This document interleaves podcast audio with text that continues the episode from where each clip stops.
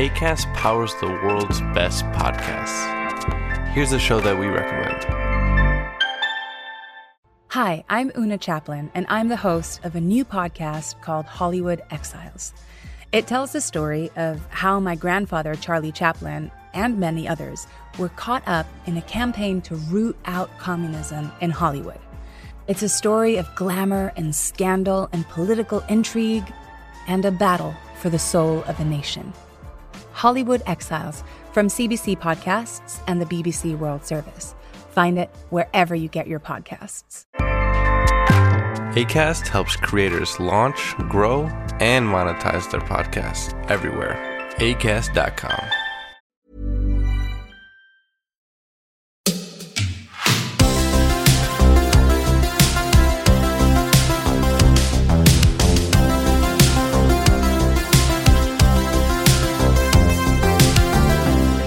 Idag är det jag, Fredrik Berns, som håller i spakarna. Och med mig idag har jag Martin, en eh, samlare och, eh, av klockor och eh, lite annat också. Vi ska prata allt möjligt idag tänkte jag. Jag har nog inte riktigt erkänt att jag är samlare än. Men, Nej. men vi kanske kommer till det. Mm. Vad roligt att, att vara här. Ja, och det här kom vi på ganska nyligen att du skulle komma med. Eh, Det här var nästan som en eh, utmaning när vi brukar prata med varandra och andra på onsdagar i Clubhouse. Exakt. Mm. Det har funkat bra tycker jag. Vi har kört nästan ett år nu, eller i alla fall ja, började med maj tror jag. Ja, Jag är stort fan av de här Clubhouse-rummen. det känns ju som man... Alltså Clubhouse blev ju jättestort. Det var det alla pratade om i typ två veckor. Och sen så känns det som att det försvann helt Ja. från liksom, mediakartan. Men vi har verkligen hållit igång och det tycker jag är, är jättekul. Mm, det är det. Ehm, och även, jag, vet, jag i början var jag ganska driven och planerade mycket vilka som skulle vara med och bokade in folk och ämnen och allting. nu för tiden så verkar det bara rulla på sig, av sig själv. Att det blir som ett litet, eh, som en fritidsklubb där man kan bara träffas och prata en timme på onsdagskvällar. Ja, verkligen. Jag, jag minns att det några gånger har varit lite trögstartat. Men sen så tar det liksom tre minuter så säger någon någonting intressant eller någon har köpt någonting eller kommer på någonting och sen så är det igång. Mm. Liksom. Sen så har man blivit lite tjenis med, med de andra Clubhouse-stammisarna Ja, också. precis. Man känner rösterna, inte bara hur de skriver och sådana saker. Ja, det är sant. Men, nej, men jag tänker så här. Eh, jag skulle vilja höra lite mer om dig. Eh, Du vill ju inte riktigt bli kallad samlare, men du är en entusiast, en klockentusiast. Och eh, lyssna lite grann, vad, vad började din resa? Vad började ditt klockintresse?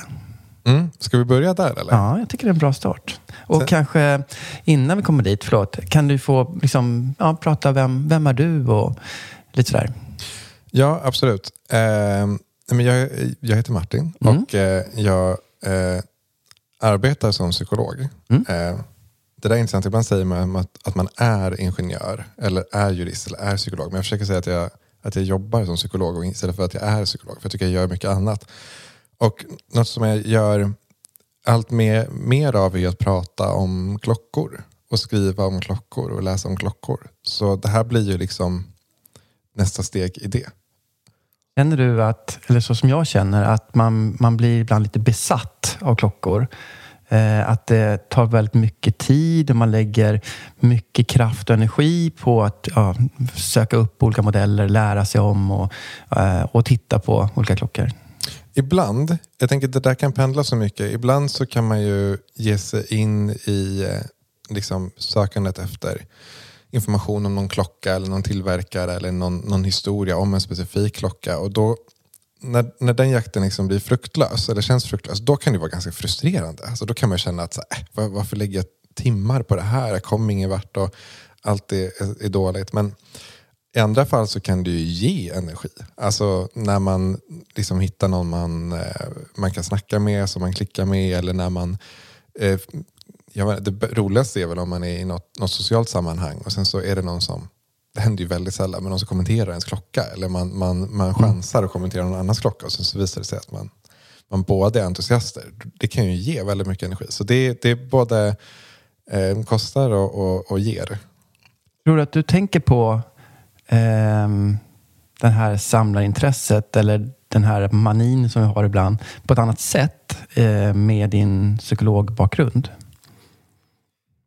Egentligen inte. Nej. Jag önskar att jag kunde säga liksom ja och ha någon bra story. Men jag är ganska bra på att stämpla ut tror jag. Alltså jag tänker inte jättemycket med psykologglasögon på när jag inte jobbar. I vissa fall, absolut. Men eh, jag tror inte det. Jag tänkte jag skulle fråga om, om patienter och du ser samma, men vi ska inte gå in i, i för mycket i den delen av yrkesrollen. Eh, om vi tittar på dig då, om vi tänker lite grann, när, när började ditt intresse? Vad var det som fick, eh, fick dig att få upp ögonen för just armbandsur? Mm, jag vet inte riktigt. Jag kan, det känns... Det blir risk att jag konstruerar någonting efterhand. Men jag, om jag, jag kan försöka tänka lite högt och minnas så får vi se om det känns, om det känns rätt. Mm. Men jag tror den första... Jag tror det var så här. Jag, fick, jag önskade mig klocka när jag fyllde 18. Och eh, då önskade jag mig... Jag ville ha en, en Seiko SKX 007. Mm. För det hade jag ändå liksom läst mig till att det var en riktig klocka. Men Men ändå, Kunde du referensen då? Visste du? Alltså för då har man kommit ganska långt tänker jag, om man lär sig referensen. Jo, jag hade koll på att det var en SKX 007 jag ville ha. Men jag ville inte vara så fräck att jag liksom önskade mig en Seiko SKX 007 Mm. i födelsedagspresent. För det kändes lite girigt. Mm, jag håller med. Man beställer sin present. Exakt så. Mm. Så, så jag, var li, jag var, gick liksom halvvägs och sa att jag skulle vilja ha en dykarklocka. Till exempel en Mm. Seiko. Mm. Typ. Och då skramlade liksom hela släkten väldigt generöst och gav mig eh, liksom, ja, men en, en 18-årspresent. och kanske. Det var nog den sista liksom, presenten jag fick från, Mm. från släkten. Men de gick, gick all in och så köpte de en, en Seiko typ dykarklocka. Typ SKX 007. Ja. Det här är det klassiska misstaget. Det blev liksom den här första nästan-klockan. Ja. Men det var en jättefin klocka, men den var, det var typ någon så här dykarlook, men det var en kronograf, eh, kvarts. Mm. Och så, här, jag hade inte jättemycket emot kvarts då. Jag har inte det nu heller egentligen. Men det var ju inte den här liksom klassiska entusiast, mekaniska, Mm. tidlösa nästan vid det här laget Mm. SKX 007. Så det var väl kanske på så sätt som en liten besatthet började gro. Alltså att jag hade den här klockan som jag var födelsedagsklockan som jag var nöjd med. Men jag, jag släppte ju inte tanken på en SKX 007. Vilket jag tror gjorde att jag fortsatte läsa om klockor. Kanske då SKX 007 i synnerhet, men, men klockor i, i allmänhet. Nu vet jag inte exakt hur tidslinjen är, men i samband med det här så fick jag också ärva två äldre eh, Omega-klockor från min morfar, eller efter min morfar. Mm. Jag träffade aldrig honom, men eh, det fanns två klockor som ingen ville ha. Och så Jag såg liksom, aha, okej, Omega, det är ju fint. Mm. Jag vill jättegärna ha de här. Mm. Och sen så visade det sig att det var, det har jag förstått långt senare, men en sån här eh, bumper-automat Seamaster Mm. som jag lät eh, serva. Som är jättefin. Mm. Och som nu är den klocka jag bär när jag har kostym på mig. Mm. Vilket är väldigt sällan. Men jag är väldigt glad att då få ta på mig den. Och sen så var det en Omega Suverän. Som ju är också en klocka med väldigt intressant historia. Så eh, det fick ju mig att liksom fortsätta läsa om klockor. För jag ville veta mer om, om båda de här Omegorna. Alltså, vad kan man serva dem? Vad är historien bakom Omega Su- Suverän och sånt där. Och ja, som så många andra så hamnar jag på klocksnack i samband med det här. Hur halkade du in där då? För det är också lite olika vägar in tycker jag. Hur, eh, jag kan säga min väg in var Mm. att när jag googlade på olika klockreferenser och kanske ville lära mig mer så var det väldigt ofta länkar in till diskussionstrådar på KS Mm. som gjorde att man halkade in där gång efter gång tills man förstod lite grann att det var en samling av mycket klockinformation. Ja, jag, jag vill tro, alltså, jag måste tänka, jag fyllde ju 18 typ samtidigt som Klocksnack lanserades. Jag vet inte om det var där jag läste om SKX 007. Nej. Jag, jag tror inte att riktigt att det funkar i tid. Men ehm, det var sannolikt där jag fortsatte läsa om Mm. den. Sen så var det också det naturligt att läsa om eh, båda de här Omegorna då, när jag ville veta mer om dem. Det var nog där jag läste mig till vad jag kunde serva dem. Sen så tog det ju ett bra tag innan jag skrev någonting. Alltså jag hade inget konto eller så. Jag var mest inne och läste. Men sen så, eh, så tappade jag min födelsedags 18-årsdags Seiko i golvet. Ah, Okej. Och fick en, en ding på eh, vridringen. Mm. Och då tänkte jag att jag skulle kolla om man kunde få den lagad. Och det, jag tror det var då jag faktiskt reggade ett konto och skrev liksom Hej, jag har den här Seikon. Jag vet inte vad det är, men jag skulle behöva en ny vridring till den. Och eh, ja, så fick jag ett konto. Då. Och sen så, så var jag inne. Mm. Um, jag tror, man bara backar till det, just det här med att man är inne på eh, Klocksnacksforum eller andra forum och läser. Jag tror att det är merparten som gör så. Det är ganska få procentuellt som faktiskt är aktiva och skriver på forumen. Ehm, och det, det är också någon, det är en liten tröskel att våga skriva och riskera att bli utskrattad eller riskera att bli tillsagd eller ännu värre att riskera att ens klocka blir- utskrattad eller tillsagd. Ja. Ja. Ja, det där är liksom klurigt med, tänker jag. Alltså jag kan bara tänka utifrån klocksnack, men jag kan tänka mig att det är samma sak i andra entusiastforum eller entusiastgrupper på Facebook. Att liksom det fina och det stora värdet i de här forumen är ju den stora kunskap som många medlemmar besitter. Men den gör det ju också, eller det kan ju göra det läskigt att riskera att blotta sin okunskap. Även fast jag inte vill liksom avråda någon från att göra det. Jag tycker alltså, i de allra, allra flesta fall så får man ju jättetrevlig respons. Men det är ändå, ja, man utsätter sig ändå för någon typ av risk när man lägger upp en så här, ja men ofta, jag kanske inte börjar med liksom den coolaste eller den mest korrekta klockan. Och sen så ska man fråga om om någon ganska spe- specifik fråga som man liksom inte lyckats lösa på egen hand. Ja, jag tror absolut att det kan vara en tröskel. Mm.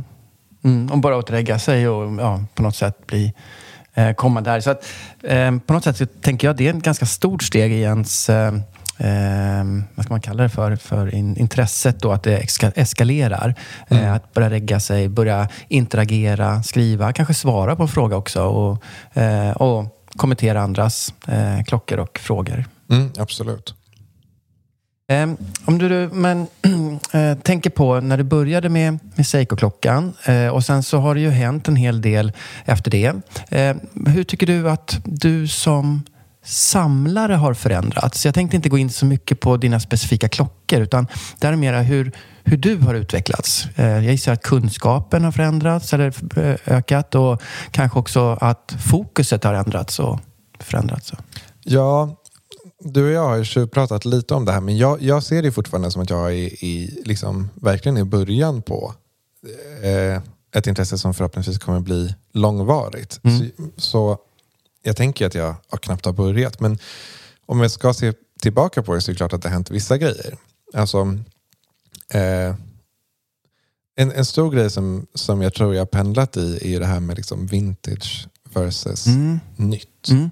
Och där är jag ju inte klar Nej. alls. Jag tänker Va- det kanske man aldrig blir. Va, nej, precis. Det här är intressant. Jag, jag har ju hamnat väldigt eh, tungt åt vintagehållet jämfört med mot eh, nytt. Där, där jag är helt, eh, helt tom.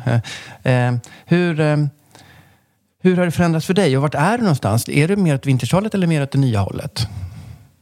Jag skulle säga att det är väldigt mycket nytt just nu. Mm.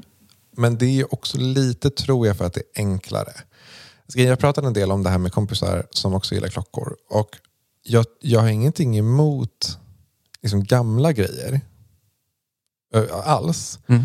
Men jag, jag har inte heller den här fascinationen för gamla grejer. Alltså jag kan tycka att mycket, eller får ursäkta om du känner dig träffad. Mm. Det är inte dig specifikt jag tänker på. Men jag upplever att många vintage-nördar, Mm. om man får säga så, vintage-entusiaster, eh, ser någonting fint i att grejer är liksom slitna. Och ja, det är klart jag kan på ett sätt förstå skärmen i liksom en klocka som levt ett liv. Men jag, jag gillar ju, en av de grejerna jag gillar mest med nya klockor är att de är perfekta. Mm. Alltså att de är så skarpa, så blanka, så perfekt borstade. Eh, visarna är liksom spikraka, allting sitter där det ska. Alla tryck är liksom, man kan zooma in hur mycket som helst och det ser ändå perfekt ut. Jag gillar verkligen det. Och då är det klart att om det är en klocka som är 50 eller 60 år gammal och fortfarande ser ut som ny, alltså det är ju ascoolt. Men jag, tycker, jag kan uppleva att, att vissa tycker liksom ja, men slitna klockor är nice bara för att de är gamla. Och det Mm. tycker väl inte jag. Nej, jag, jag tycker det. Ja. Alltså på riktigt. Och jag, jag, jag, blir träffad på ett positivt när du säger så. Eh, För det är verkligen precis det. Ja, det. Det är som ett par, jag vet inte, eh, slitna jeans som sitter sådär skönt. Så är en sliten klocka för mig. Eh, och de nya stela, eh, nytvättade jeansen, de är inte alls lika roliga på något sätt. Medans och det, det här att allt är perfekt får mig nästan att eh, det- då blir det inte lika spännande. Det är ju när det finns imperfektion som gör att det blir ännu mer spännande. För, I mitt huvud. Och det här är jättekul att det är olika. Ja, ja men jag fattar. För sagt, ja, vi är väl olika där helt enkelt. Mm. För jag tycker, jag gillar ju, här, sagt, jag har ingenting emot gamla grejer, men jag tycker inte att grejer, för mig kommer inte grejer undan med saker bara för att de är gamla. Nej. Om man säger så. Nej. Ehm, det här är också väldigt, väldigt intressant i det, i, det, i det gamla. Att det är vissa saker som är accepterat att det är slitet, men andra saker är helt oacceptabelt. Mm. Ehm, och det är ju det är egentligen jättekonstigt att, att vissa saker är okej. När, när någonting blir lagom, eh, ja, vad ska man säga, sliten vridring eller Mm. eh, lagom rasslänk, då är det jättehärligt. Medan Mm. finns det en repa på tavlan så är det, då är det bara att slänga. Att det finns så skarpa gränser mot vad som är accepterat och inte. Ja, sen så tycker jag att det är jätteintressant med vintage hur man väljer att göra vissa liksom, imperfektioner eller fel på klockor till säljargument. Mm. Och det, det, här, Oh ja. det här är jätteintressant att diskutera. Allt från liksom, tropiska urtavlor Mm. som jag vet att du tycker om. Mhm. Och där kan jag absolut fatta skärmen. Alltså, och det, det, det gör ju att, eller sånt gör ju att, att eh, äldre klockor onekligen kan bli, ofta är mer unika än Mm. nya klockor. I alla fall när nya klockor är nya. Däremot typ Spider Dial Mm. är en sån grej. Där tänker jag att det här är väl bara att den är trasig. Mm. Eller? Mm. Alltså då, för de icke så, så insatta, att det är väl att lacken på tavlan har, har spruckit. ja. Krackelerat, exakt. Och det, det tänker jag ju är... Alltså Tropical Dial är väl också egentligen ett fel. Alltså Mm. att tavlan har blivit missfärgad Mm. av någon anledning. Och jag vet inte om det egentligen är någon skillnad på hur man bör se på, eller det finns väl inget svar på det, men hur man Nej. bör se på Tropical och Spider Dial. Men Mm. jag tycker ju att, jag kan se skärmen med, med Tropical Dial, men Spider Dial tycker jag bara är att den är trasig. Ja. Ja, nej, jag, jag, jag, det är ju så. Ja, där råder det väl inte konsensus heller. Det Nej. finns väl de som kanske betalar extra för det, men de flesta Mm. gör väl inte det. Det är väl min bild. Nej, jag tror inte heller. Jag, det, jag vågar inte säga vad med andra gör. Jag gör inte det själv i alla fall. Jag, jag Mm. tycker ju en, en krackelerad tavla är, är inte lika roligt som en som fortfarande håller, håller ihop. Och sen om den då har fått färgförändringar, speciellt om det är jämnt och fint, då tycker jag bara att det är trevligt. Ja, och det här är ju självklart ingen diss mot folk som har eller gillar klockor med Spider Dial. Jag bara säger att, att eh, det är inte eh, min cup of tea. Nej. Ehm, kan man tänka så här, nu är jag lite ute på djupt vatten, men om man tänker sig att en klocka som åldras på ett bra sätt, att det går att jämföra med vin eller whisky eller andra saker som vi uppskattar när de har åldrats, som inte går att få fram när de är nya. Ehm, Det finns ju vissa klockmärken som försöker att skapa den, den här vintage-looken redan i nytt. För mig blir det jättetokigt. Ehm, Det blir, det blir, då är det bättre att en ny är ny än att en ny ser ut som en gammal. Om du förstår vad jag menar. Ja, alltså jag fattar absolut. Och det där är ju också en, en ja, men apropå hur, hur tokig man är. Jag tycker att det är en jätteintressant diskussion. Det här med färgad loom och, liksom, och så. Eh, Jag vet inte var jag står där. Jag tycker absolut att det i många fall är bra. Eller, eller helt okej, eller till och med någonting jag uppmuntrar. Alltså om det görs eh, väl avvägt. Sen, sen så finns det nog säkert klockor där det blivit fel. Alltså där det gått till överdrift. Jag tänker, det vore jättekonstigt till exempel, tänker jag, om någon skulle försöka eh, jag vet inte, göra någon... Men tänk om man skulle sälja en ny klocka med Spider Dial. Till exempel. Mm. Det, Ja, ju det konstigt. Men okej, det skulle väl inte hända. Men man skulle ju kunna tänka sig att något märke skulle göra liksom en, en tavla som är tropisk Mm. från, från, från fabrik. Och Det tror jag skulle vara svårt. Däremot att bara ha så här färgad lysmassa eller inte, sådana grejer, det tycker jag ofta funkar. Inte alltid, men ofta. Mm. Ja, men det är, mm, precis. Jag, jag tror att det är de här... För det finns en eller ett par märken som har lite brunare tavlor eh, som ska se lite sådär solblekta ut. Ehm, och då känner jag att då är man lite grann och eh, glider lite grann, tycker jag. Men det är min, min personliga åsikt. Ja, men jag tänker det är väl lite som färdigslitna jeans då? Ja, exakt. Precis. Och, men där tänker jag att det är en stor skillnad. Alltså, Man kan ju tvätta jeans på olika, olika sätt och på samma sätt så kan man designa en klocka så att, den, så att den ska se ut som någonting. Men att försöka få en ny klocka att se gammal ut, det är, väl- då är man ute på hal is. jag. Det är väl att dra det för långt. Men att, att bara liksom anspela på sånt som är fint på äldre klockor, det tänker jag mm, inte, behöver inte vara ett problem. Nej, jag måste erkänna, jag, jag köpte nog så här stentvättade jeans på 80-talet. Sådär, för då var det ju det som var det coola. Ja. Så att det stämmer. Ja. Ah, jag är nog inte helt konsekvent i mitt tyckande när, när det kommer liksom ner till kritan. Så. Nej, det är inte jag heller, det är därför jag velar så mycket Ja, men det är väl härligt. när du ställer de här frågorna. Men okej, då- om vi tittar på dig igen. Lite grann ditt samlande och din, ditt, eh, eh, kanske hur du utvecklas kunskapsmässigt. Eh, hur, hur ser du ut framåt då? Hur tänker du? Vad, vad, vad siktar du på? Vad vill du uppnå med din klocksamling eller med ditt kunskap eller ditt eh, klockintresse? Ja, eh, som sagt, jag tycker fortfarande att mitt intresse är i, i, i, precis i början, så jag har inte funderat allt för mycket på det. Däremot så är det klart att tanken har slagit mig om man ska försöka ha någon typ av strategi. Om vi börjar med liksom vad för klockor man kanske vill ha. Och Det jag tycker har varit kul nu, det är att kolla liksom på eh, de klassiska modellerna. Eh, från de klassiska märkena.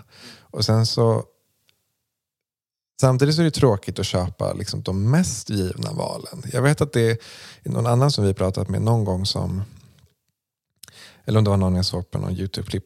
Någon jag, jag, jag är i alla fall inte själv med det här, det vet jag. Men att, att kanske sträva efter att ha liksom de klassiska modellerna men med en liten twist. Mm. Mm. Eh, det tycker jag är, är nice. Och det ser man ju från, från i alla fall vissa märken. Alltså att det kanske till exempel kommer...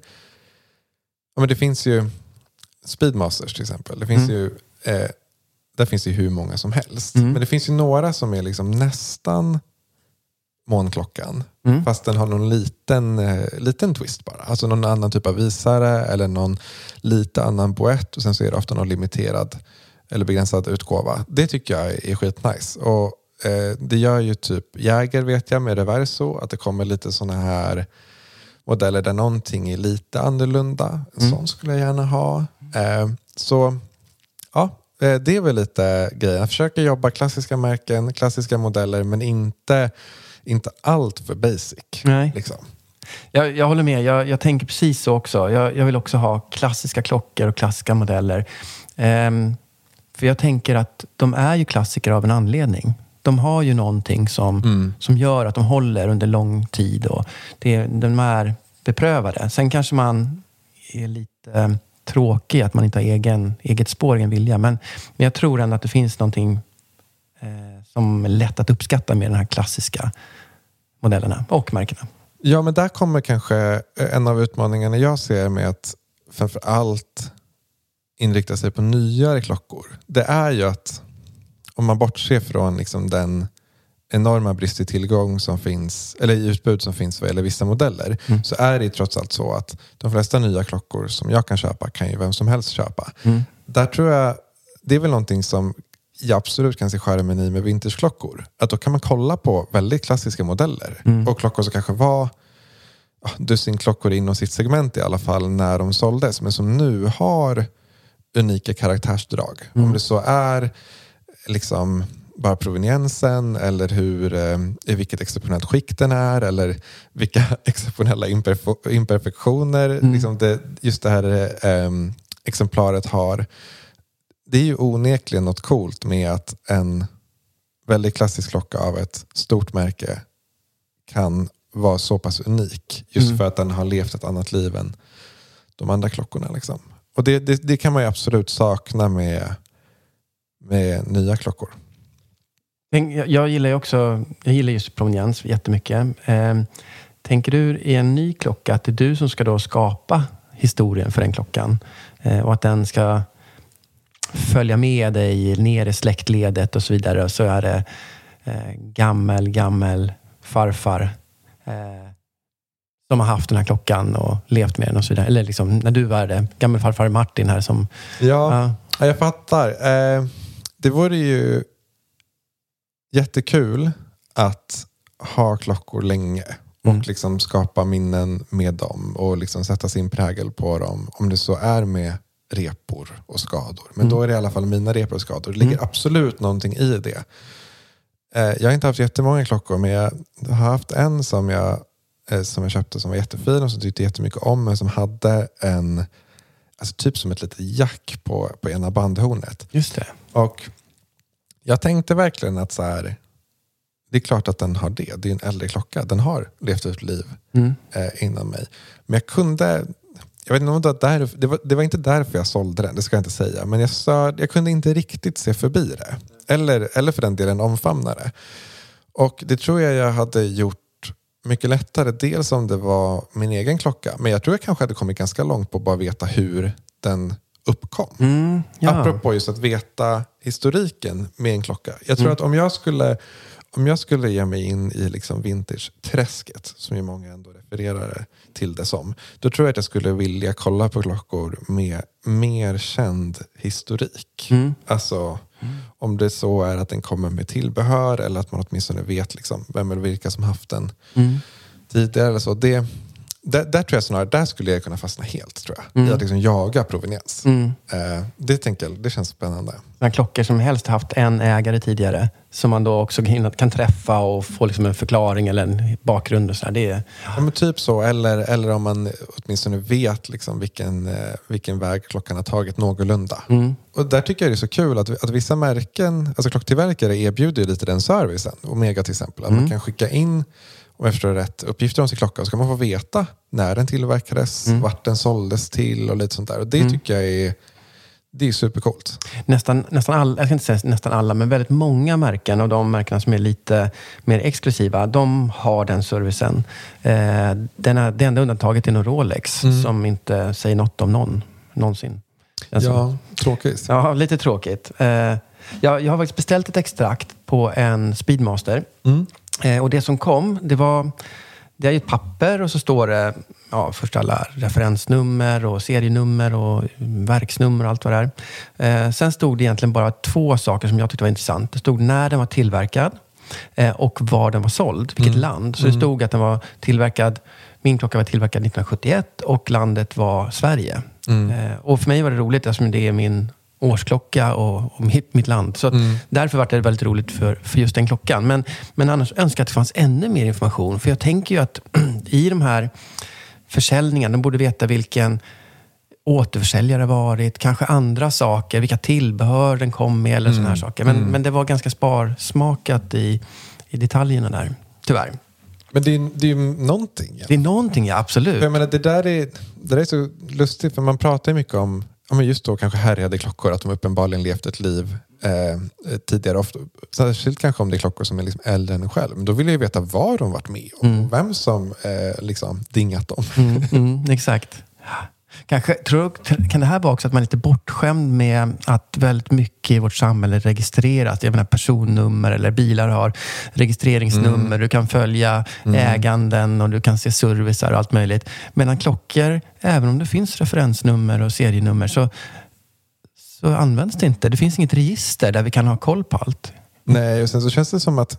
Alltså, det, jag fattar ju att det inte finns papper på liksom klockor som är 50-60 år gamla. För alltså det så tänkte man kanske inte på att spara dem och sen så har det liksom varit tio flyttar sedan dess och så vidare. Men där känns det som att många klockägare är väldigt slarviga. Alltså ofta ser man nyare klockor där det liksom tappats bort grejer hit och dit. och sådär. Och Så tror jag inte man skulle göra med en bil. Eller så är det bara att de, Nej, de rätt. bilägare jag pratar med också är entusiaster. Men, eh, Ja, men det, det känns nästan som man kräver att man har papperna. För att kunna sälja bilen behöver du ha ditt, ditt registreringsbevis och så vidare. Ja, sen så där går det säkert att beställa nytt. Men även, Ja, även som du sa, om man liksom kollar upp en, en bil på registreringsnumret, då kan man ju se exakt liksom miltal vid olika Mm. besiktningar. Och om den är importerad, då kan man se när den importerades och, och lite sådär antal tidigare ägare och sånt där. Och ja, kanske är vi lite bortskämda med det då. Mm. Mm. Och um, nu, det mest aktuella är ju våra vaccinbevis och så vidare. Allting Ja, finns, går att ladda ner och är registrerat på ett personnummer och så. så att, Och det är näst, där är det ju konstigt för man servar ju klockor också. ja. Och ofta i min bild, så, eller många klockor servas ju ändå hos liksom, auktoriserade återförsäljare. Mm. Och ändå så känns det som att, jag vet inte, ja, inte så mycket register Nej. liksom, som finns. Vad jag vet. Skulle bygga upp något journalsystem för klockorna. Jag tycker det. Ja. Jag tycker det. Så Nej, kan man gå in ingen- på 1177 och kolla, kolla sig själv och barnen och, och klockan. Och klockan, exakt. Ingen ordning på det här. Det behövs lite struktur, det är bra. Eh, jag skulle vilja prata om eh, eh, samlarpsykologi. Eh, nämnde att du jobbar som eh, psykolog. Eh, men eh, du har också varit väldigt, väldigt tydlig med att du inte är eh, en samlarklock, eh, samlarpsykolog, ingen klockpsykolog och ingen samlarpsykolog. Nej, men, men ändå, det finns ju mycket i det här samlandet som Man kan se många olika mönster. Jag tycker ju att man kan se ganska tydliga karaktärsdrag eh, som går igenom hos många av oss samlare. Vi, är, vi är ganska lika på ett sätt. Sen finns det varianter på det här. Eh, vad är din tanke omkring det? Samlarpsykologin och oss som samlare. Vad är vi för typ av personligheter? Ja, jag har funderat lite på det här. Och som sagt, jag är ingen expert på varken hälsosamt eller ohälsosamt samlande eller, eller personlighet egentligen. Jag jobbar ju mest eh, inom psykiatrin. Men jag tycker att frågan är jätteintressant och det är någonting som jag vet att, att du Fredrik bland annat eh, fört på tal vid olika tillfällen och det är klart att det har fått mig att fundera. Men jag tror vad jag kommer fram till i mitt funderande är väl att vi kanske är lika i, på ett sätt i att vi, vi samlar eller och även om vi inte har för jag tror det är det som gör att jag inte vill kalla mig, eller inte vill, att jag inte kallar mig samlare instinktivt, är att jag inte har så många klockor. Alltså jag har inga så här liksom. Nej. Däremot så är jag ju, samlar jag ju kunskap, verkligen. Och det gör vi ju alla. Så på så sätt kanske vi är lika. Men sen så tror jag att drivkraften bakom det kan vara, se väldigt, väldigt olika ut. Och där tror jag att man nästan måste göra en liten analys av, av varje entusiast eller samlare. Eller att varje entusiast eller samlare måste göra en egen liten analys för att förstå varför de samlar. För jag vet inte hur det är för dig. Jag, jag, uppenbarligen har jag själv inte funderat på det här tidigare. Jag, jag undrar hur många av våra, våra klockkollegor som, som faktiskt funderat över varför de gör det. Min, jag, jag funderar som sagt mycket på det och jag, jag tänker att det finns lite olika... Först finns man säga så här. Anledning till varför man samlar eller att man blir duktig, läser, alltså samlar på kunskap. Ehm, jag tycker att kanske den starkaste eh, delen här, det är att tillhöra en grupp. Att det finns det här nedärvda, att du in, är inne i, i gemenskapen, i gruppen. Eh, och för att få vara i gruppen så krävs det att du kan saker. Eh, och det är ju någon form av psykologisk eh, eh, drivkraft, tänker jag. Ja, jag tror att det där är nog en, en, en drivkraft som jag har underskattat. Alltså just den sociala komponenten i, eller liksom det, det sociala smörjmedel som ett gemensamt intresse ändå utgör. Alltså dels att det är någonting att mötas, eller vad ska man säga, att hitta varandra eh, kring. Men också ett sätt att, att träffa folk och komma i kontakt med folk. Alltså, jag pratade med min sambo om det bara igår. Alltså, klocksnack till exempel är ju, har, ju, har ju väldigt mycket liksom sociala, socialt nätverk kvaliteter. Mm. Otroligt. Ja. Alltså, jämför, jag har alltid sett forum som någonting annat än eller jag tänkte att forum är någonting annat än eh, liksom Facebook, eller Instagram eller Twitter. Och det är väl klart att det är, men nästan så att det skulle falla inom samma kategori eller samma paraply.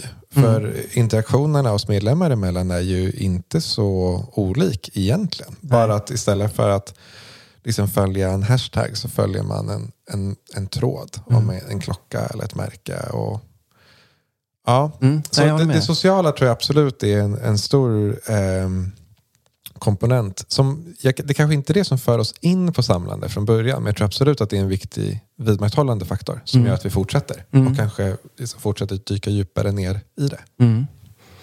Och om man nu får ta min nästa teori då, så finns det ju eh, spetsen på den här eh, viljan att tillhöra gruppen. Det är ju också att bli experten i gruppen. Att bli den som kan mest, gärna om ett smalt ämne. Den som folk vänder sig till. Då blir du en auktoritet i gruppen. Eh, och att det också är en drivkraft. Att kunna väldigt mycket ja, om, om de här eh, klockorna eller om, om det är en specifik märke eller en specifik eh, tidsålder och så vidare.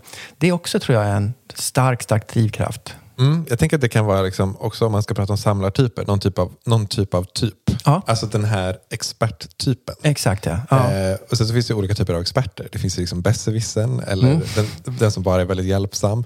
Men det tror jag absolut kan vara eh, en grej. Sen så vet jag inte, för, för mig tror jag att, att just eh, det att lära sig mer och samla kunskap är någonting som vidmakthåller och, och driver mitt intresse. Mm.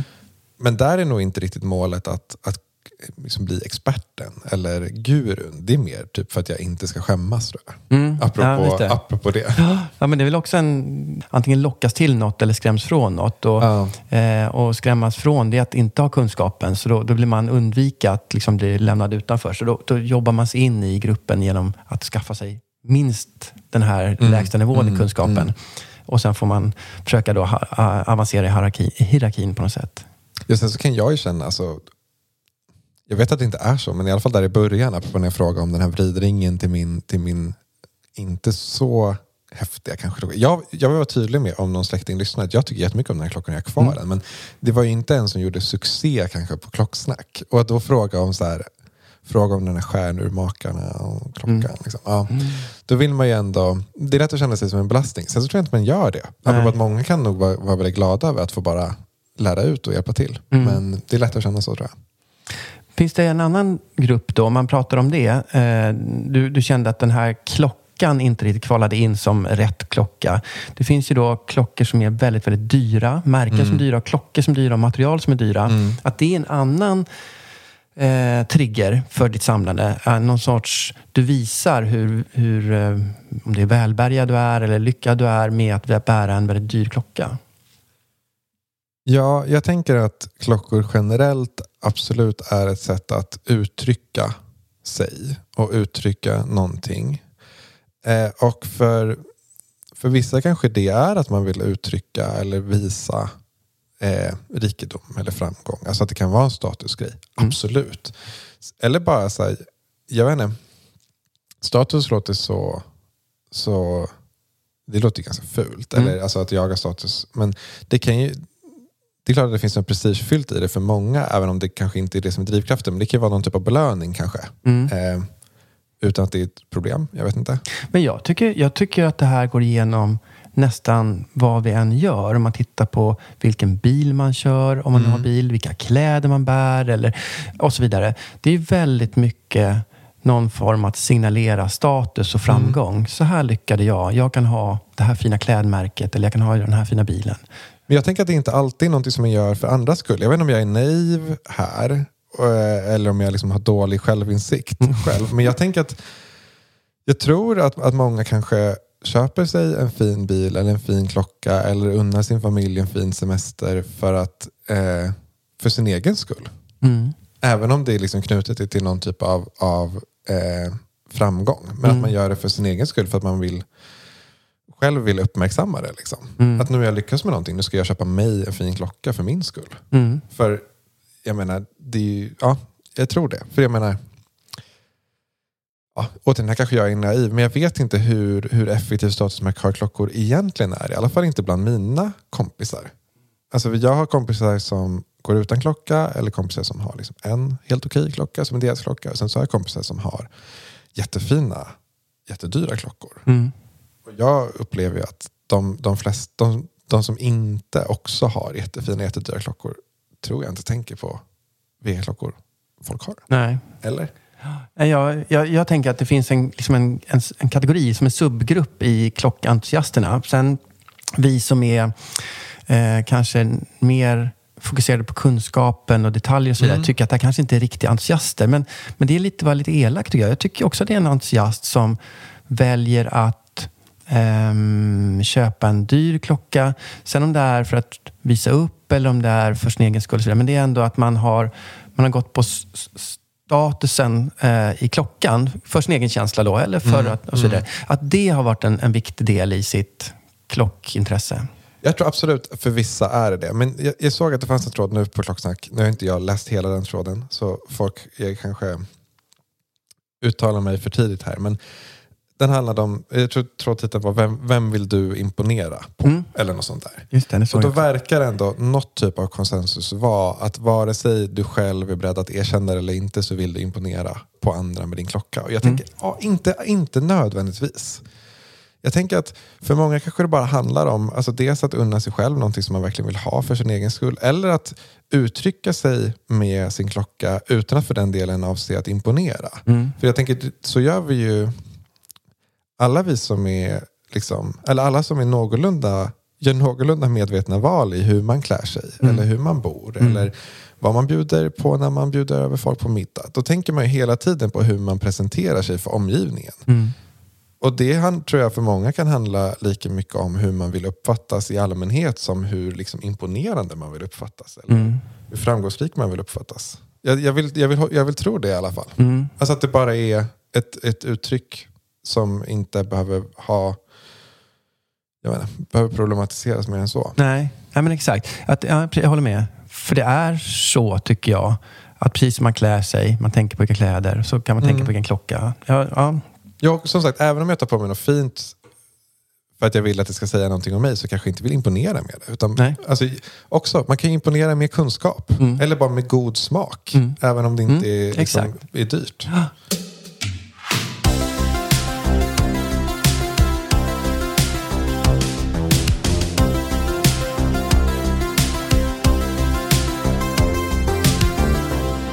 Jag skulle komma in på själva samlartyperna nu. Eller kanske, nu har vi pratat om vilka, vilka grupper av samlare vi har. Men jag tänker, det finns för mig en ganska gemensam röd tråd genom hur vi är som personer, våra personligheter. Där vi, vi brukar skoja att vi ligger många av oss ganska långt ut på det här spektrat. Om man nu pratar i någon form av diagnos, diagnos, diagnosspektra. Det är många som är väldigt duktiga på detaljer. Kanske inte riktigt lika bra på det sociala alltid. Att, och det här är ju som, det är som lite som den perfekta stormen i ett forum där det också sitter gömd bakom eh, ett låtsasnamn och ett tangentbord. Eh, så det blir ju oftast ganska eh, hårda diskussioner till och från, helt i onödan. Men grunden, tänker jag, det är inte att folk är elaka eller vill bråka, utan det är att man är, man är ganska... Man har sin expertis och man är ganska komprosi- kom- kompromisslös i sitt sätt att uttrycka sig. Man dundrar på. Det är, det är rätt eller fel. Det är höger eller vänster. Är du med på vad jag tänker om, om typen av karaktärer? Ja, absolut. Det finns ju, som säkert inom andra entusiastområden, vissa som är, som är väldigt oflexibla, Ja. om man säger så. Eh, ja, jag vet typen, tror jag. Mm. Och, och det här är ju, det här, det här är ju eh, kanske också därför vi blir entusiaster. Så att det är inte bara en negativ egenskap, utan det kanske också är en förutsättning för att hamna i det här. Det finns alltid undantag, så nu pratar jag väldigt generellt. Men att den majoriteten av entusiaster, oavsett vad man är eh, fokuserad på, tror jag ligger i den här gruppen av, eh, vad ska man säga då, eh, karaktären av människor. Ja, och jag tror, jag tror liksom att många av de här samlarna av, som faller inom den här kategorin sällan menar något illa. Mm, nej, jag håller med. Jag tror, jag tror faktiskt inte det. I alla fall om jag tänker på de som jag har sett på, på, på Klocksnack bland annat. Att jag tror inte man menar något illa. Alltså visst kanske man lite ser en chans att glänsa med någon typ av kunskap eller, eller så. Eh, men jag tror sällan man menar någonting illa. Ja, jag håller, ja, absolut. Eh, Alltså jag, kan man ju absolut uttrycka sig så mycket mer diplomatiskt och flexibelt. Hu- 100 procent. Ja. Eh, och där tänker jag att många... Eh, det kanske skulle vara trevligare i vissa situationer om folk tänkte lite mer på hur de uttryckte sig. Mm. Eh, men jag tror sällan det är liksom illa ment. mm, nej, jag, tror inte, jag tror inte heller det är det. Men precis, det, det hade inte varit... Det hade inte varit dåligt om man hade kanske varit, tagit fram lite mjukare sida ibland. Men jag tror det ligger i... För att backa ett steg i det här. Ja, eh, för länge sedan så läste jag en bok som heter Omgiven av idioter av Thomas Eriksson. Mm. Eh, jag vet, det är många av oss som har läst den och då kategoriseras ju våra, våra personlighetsdrag in i olika färgkoder. Eh, där den koden eller den personligheten jag pratar om nu är den här blåa karaktären. Den som är ganska fyrkantig. Eh, som också är lite sådär svartvit. Antingen är rätt eller fel. Det är inte så mycket glidande skala. Men som också kanske är precis tvärtom. Alltså den motpolen mot den blå är väl den som är väldigt social. Den gula, den som är väldigt eh, eh öppen och, och eh, vad heter det? Ja, men, interagerar med mycket människor mm. och har flest följare på Facebook och så vidare. Mm. Och, och eftersom vi är då i det här blåa sjoket av människor så, så är det väl också en del i... Eh, ja, för att liksom kategorisera in människorna. Att det är där vi hamnar, många av oss. Eller jag säger många av oss. Jag, jag kategoriserar, kategoriserar mig själv ibland ganska blå. Men ja. Eh, ja, den typen av personlighet, tänker jag.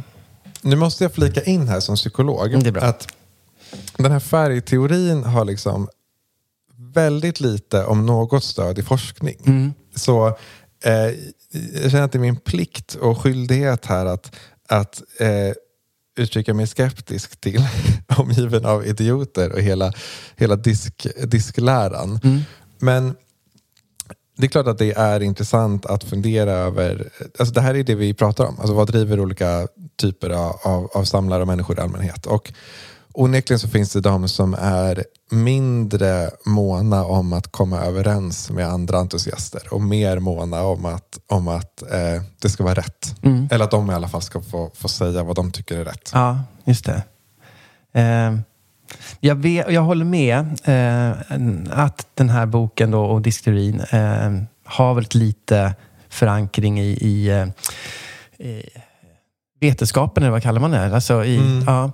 Eh, och jag hörde någon recension eh, om jag försöka komma ihåg vilka det var. Som, det var någon tjej i alla fall som läste upp och kallade det för en väldigt, väldigt stor killgissning, hela boken. Mm. Den, men samtidigt är den ganska tacksam att hålla sig i. Den, den gör min lilla eh, värld mycket enklare att sortera. Jag kan, jag kan sortera in människor snabbt mm. i vad de hör hemma. Sen kanske jag gör misstag och sorterar in folk fel. Men, men allting går ut på att underlätta. Det är som alla fördomar eller förutfattade meningar. Det är för att förenkla min lilla värld. Ja, absolut. Jag menar, det, vi har ingen stöd i forskning för, för de typer av samlartyper som vi pratar om här heller. Klockkufen eller besserwissern eller Exakt. så heller.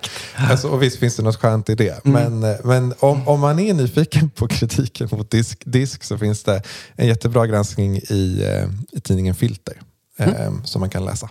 Bra. Den tycker jag vi ska försöka länka till också. Det är viktigt. Mm. Eh, bra. Eh, nu, precis, då var vi inne på samlartyper. Eh, och sen, sen tänker jag så här. Jag, jag skrev några eller, punkter jag tänkte jag skulle följa här.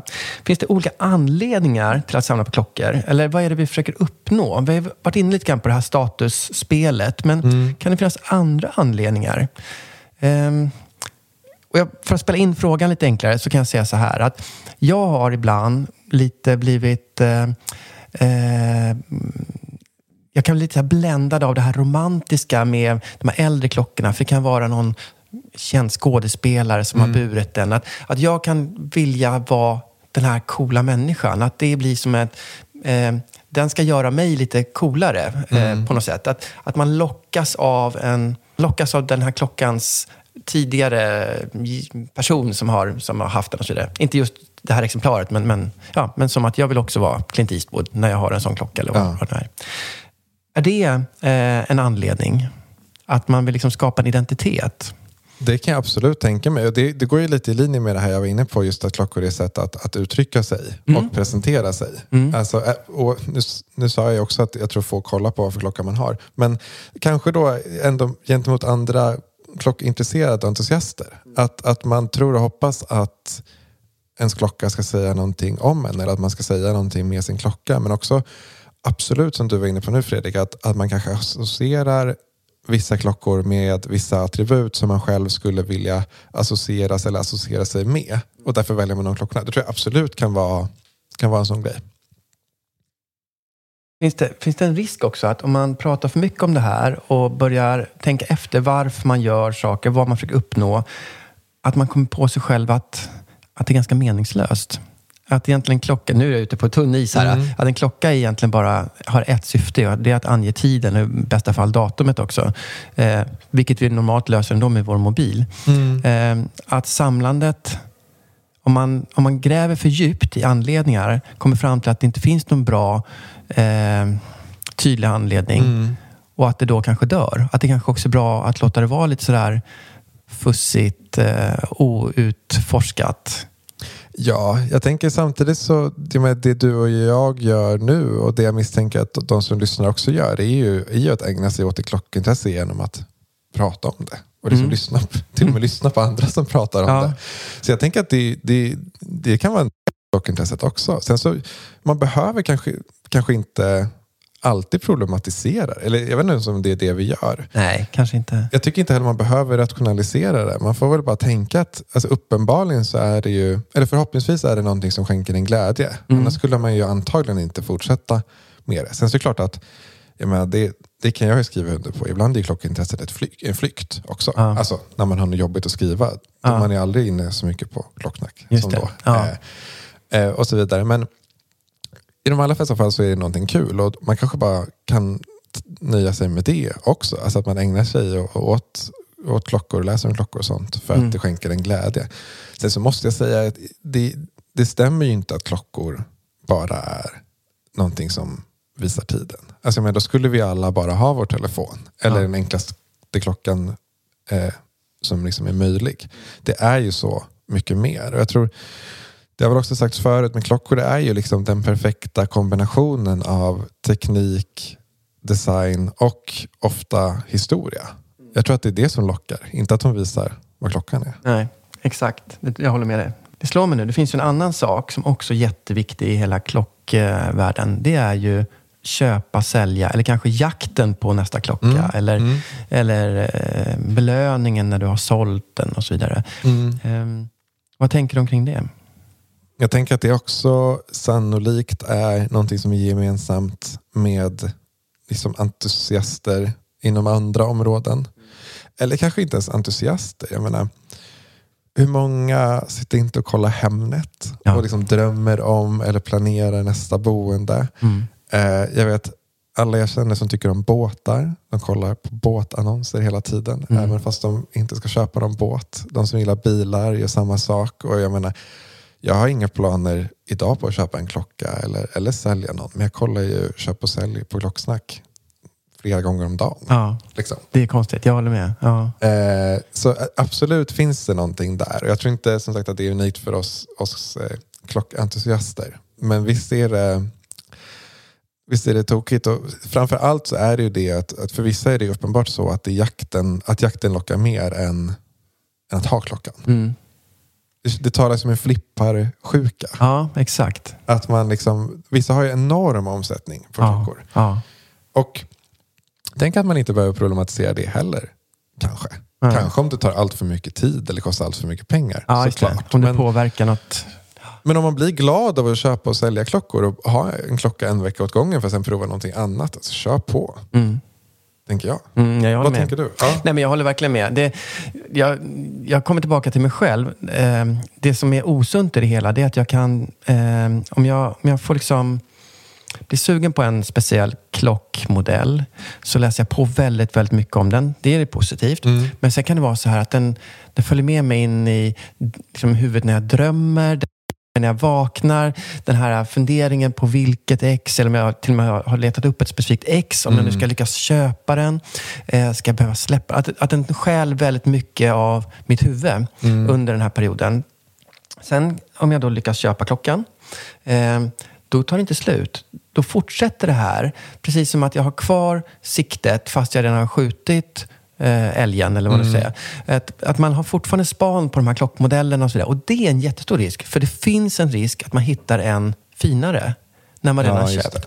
Alltså, det är samma nästan oavsett vad jag ska köpa. Om jag ska köpa en dammsugare så kollar jag och så försöker hitta en. Och sen, men jag ligger ändå kvar på annonserna på, på eh, vet du det, eh, Elgiganten eller något liknande och ser dammsugare. Eh, att, att det är svårt också att släppa siktet när man väl har fångat den här klockan.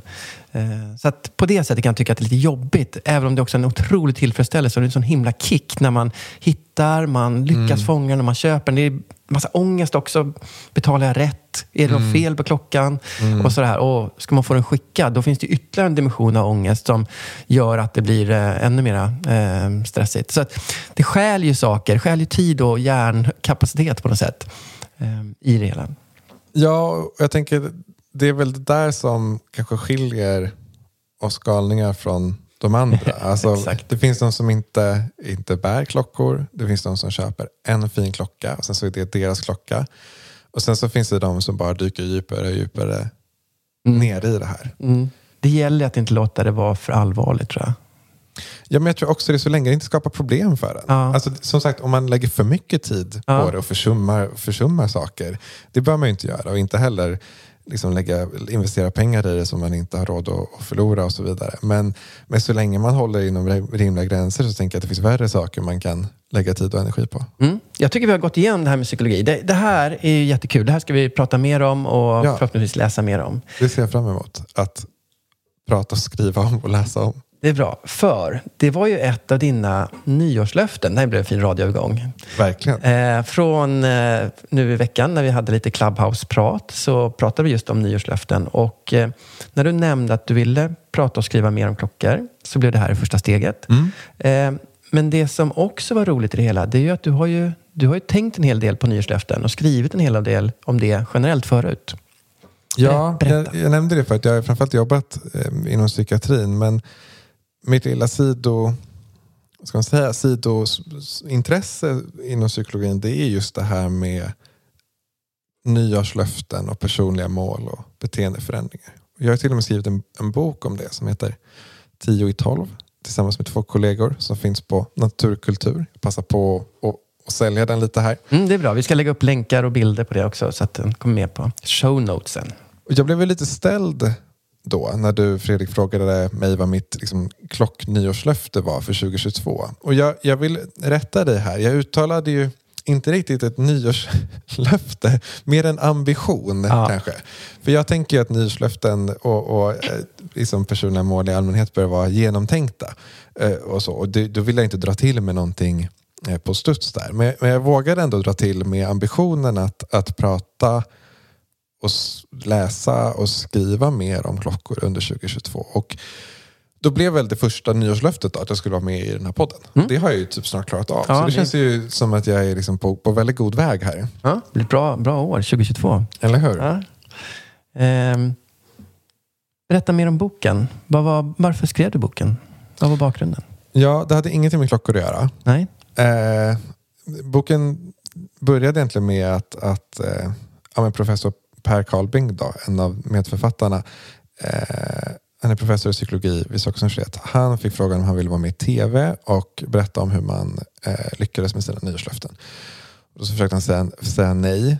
Nu hoppas jag att du berättar det här rätt, men vi kör på. Han försökte säga nej för han kände att han inte riktigt visste någonting om det eller inte hade några bra, bra saker att säga i alla fall. Men sen så blev han övertalad och var med i tv då, och, och pratade om nyårslöften.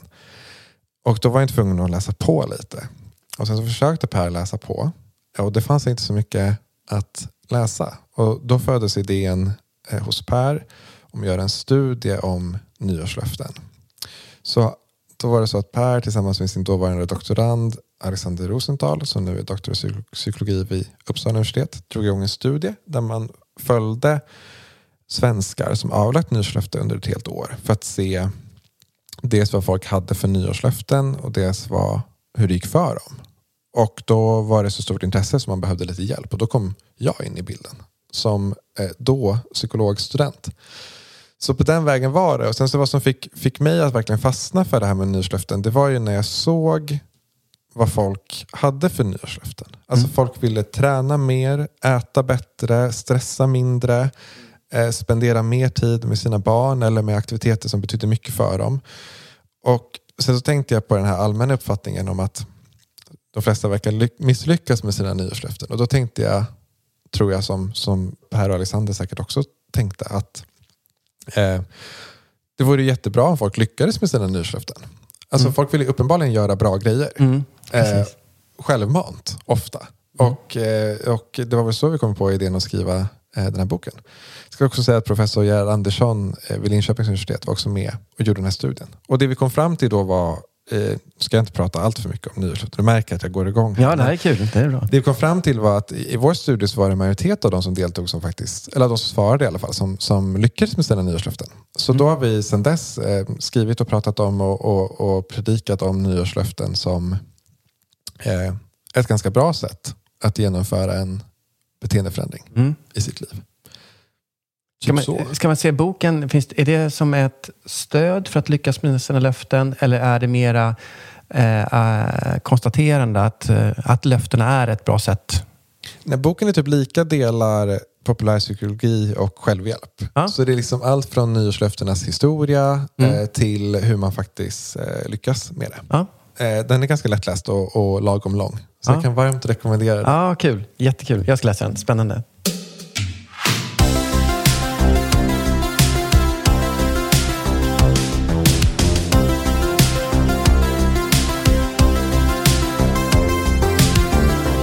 Min nästa punkt här, innan vi börjar komma framåt slutet, det är lite skvaller och förhoppningar här om året.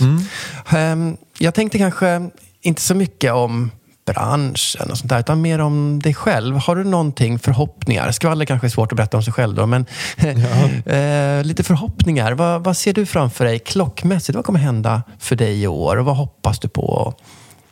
Ja, men sagt, jag uttalade ambitionen att, att ägna mig mer åt mitt klockintresse just för att jag, jag upplever att det är någonting som eh, jag mår bra av och, och blir glad av. Och, och, eh, jag får börja då med att tacka för, för inbjudan hit. Det är Mm. snabba ryck, jag har redan fått agera på det. Men jag hoppas ju på att få, få ägna mig mer åt det. Jag tänker också att jag vill träffa fler och snacka klockor. Mm. Eh, också mer av en ambition än ett konkret mål. Men jag har, jag har redan bjudit in ett gäng klockintresserade kompisar hem till mig. Ska käka Mm. middag, kolla på, lite- kolla på varandras klockor, snacka klockor. Kul. Ja. Så ja, jag ska väl fortsätta med det tänker jag. Ja.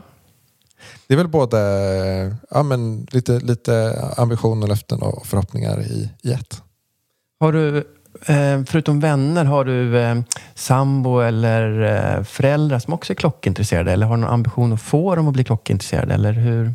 Mm, ja, jag har min pappa med fru som båda bär klocka varje dag. Mm. Eh, inte säker på om de gett varandra klockorna. Men jag, vet- jag tror i alla fall att pappa har fått, fått, eh, fått sin klocka av sin fru. Men de är nöjda tror jag båda två med att ha Ja. liksom sin klocka. Ja. Han har sin Longines och hon har sin Omega. Liksom. Ja. Och jag tänker jag ska inte ge mig in där och försöka pracka på dem någonting. Däremot, eh, min sambo kommer ju inte undan det här. Liksom. Och hon är, hon är på god väg tycker jag. Mm. Eh, hon, har, hon har en klocka Mm. som hon länge var nöjd med tror jag att ha. Eh, men nu, nu ska hon köpa en till faktiskt. Kul. Och då tänker jag det kanske blir liksom dammluckorna som öppnas där. Jag Mm. hoppas det. Jag Ja. hoppas det. Men vi får se. Hon är inte på vår nivå, eh, långt ifrån. Men Mm. eh, Men coachar in henne då, så att hon hamnar i rätt spår och inte gör de här eh, enkla misstagen och så? Eller ska hon få lära sig själv? Ja, men jag tror att hon är, hon är bra där. Hon Mm. är lik, duktig på research. Mm. Eh, så jag tror inte, jag, jag tror inte, jag vet inte om det behövs någon eh, skolning. Nej. Mer kanske att så här, presentera lite eh, förslag. Alltså pl- plantera lite idéer. Sen Tror, så, tror att hon skulle kunna köpa en klocka och sälja en klocka? Eller köper hon och så stannar den för resten av livet? Ja, det var en jättebra fråga. Jag tror eh, än så länge är det inget flippande eh, på gång. Eh, mer just eh, i väl genomtänkta eh, köp av klockor som förhoppningsvis håller, håller länge. Mm. Mm. Nej, men det, min bild, och nu kanske den är väldigt eh, smal eh, liksom i, i urvalet, men de tjejer, inklusive min fru, som jag vet eh, eh, tycker om klockor, där blir det på något sätt, om man köper en klocka och sen stannar den. Eh, eh, och annars så köp den inte. Så att det, det är inte som vi som provar den ett tag och så bara Mm. skickar den vidare till nästa. Utan där är det liksom, eh, har den väl kommit in, då är den inne för alltid. Men jag, säger, jag, jag tror jag har den tanken egentligen. Ah, okej. Alltså jag har väl någon gång köpt någon klocka för att ha så länge för att jag visste att jag hade ögonen på någonting annat framöver. Men annars har jag nog köpt klockor med, med tanken att jag ska ha kvar dem. Mm. Det är också, ja, nu går vi, knyter, går vi cirkeln runt här. Det är Ja. också en, en anledning till att jag tror jag fastnat för, för nya klockor. Mm. Just för dem, då blir de ju verkligen mina. Ja, Eh, så ja, jag, jag har inte själv eh, drabbats av någon flipparsjuka än. Men Ja. det, säger- det utesluter jag inte. Nej, och det kan ju vara liksom att det kommer i en senare fas också. Att Ja. man, jag, jag har ju haft en period när jag har köpt samma klockor som jag har, fast ett bättre ex. Och så Ja. har jag släppt det gamla. Så jag har växlat upp klockorna. Och det kan vara små, små detaljer som för nästan alla andra är helt obetydliga. Men för mig har det varit väldigt viktigt. Eh, och sen så har jag egentligen köpt en likadan och så sålt den gamla. Så jag har ju snurrat klockor fast ingen riktigt ser någon skillnad. Ungefär så. Jag fattar, där, där sa en, en klockintresserad vän till mig något väldigt klokt. Och det är att det finns inga keepers. Alltså man är naiv om man tror det. För det finns alltid ett bättre exemplar av Ja. den bäst- bästa klockan man redan har. Jag tror att det enda, det närmaste man kan komma keepers, det är om man har fått just det exemplaret från någon eller vid något tillfälle. eller sånt. Att just det är det här unika exemplar, exemplaret som är eh, det som betyder något. Så är det. Det är väl undantaget. Mm. Exakt. Alltså om man har eh, något som man har köpt för att uppmärksamma någonting eller något man är efter. Så. Och, och då behöver det inte ens vara så att det är klockan man tycker om, utan då är det ju det man ska minnas man tycker om egentligen. Ja. Ja, spännande. Jag tycker att vi har kommit långt idag för att vara första avsnittet på kanske en återkommande eh, diskussion om eh, klockpsykologi och samlandet och så vidare. ja, absolut. Det här var jättekul. Ja. Eh, tack för, för inbjudan Ja, och för hjälpen med, min, med mina nyårslöften. ja perfekt. Kul. Stort tack för idag Martin. Tack Fredrik.